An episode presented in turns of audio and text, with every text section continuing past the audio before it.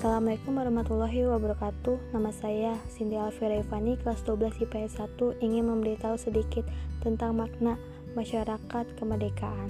Hari kemerdekaan Indonesia telah tiba. Seperti pada umumnya Masyarakat menyambut hari kemerdekaan terbilang tinggi. Hal-hal semacam perlombaan, memasang bendera Hingga yang paling sakral adalah upacara bendera. Yang pertama, merdeka bukan berarti akhir dari sebuah perjuangan. Yang kedua, menjadi pengingat bahwa sebuah perjuangan yang dilakukan dengan sungguh-sungguh pasti akan berhasil. Yang ketiga, momen mempersatu bangsa.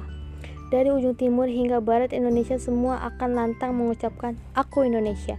Dari sini dapat disimpulkan bahwa kemerdekaan Indonesia adalah salah satu momen terbaik untuk menghilangkan perselisihan dan membangun persatuan satu sama lain. Wassalamualaikum warahmatullahi wabarakatuh.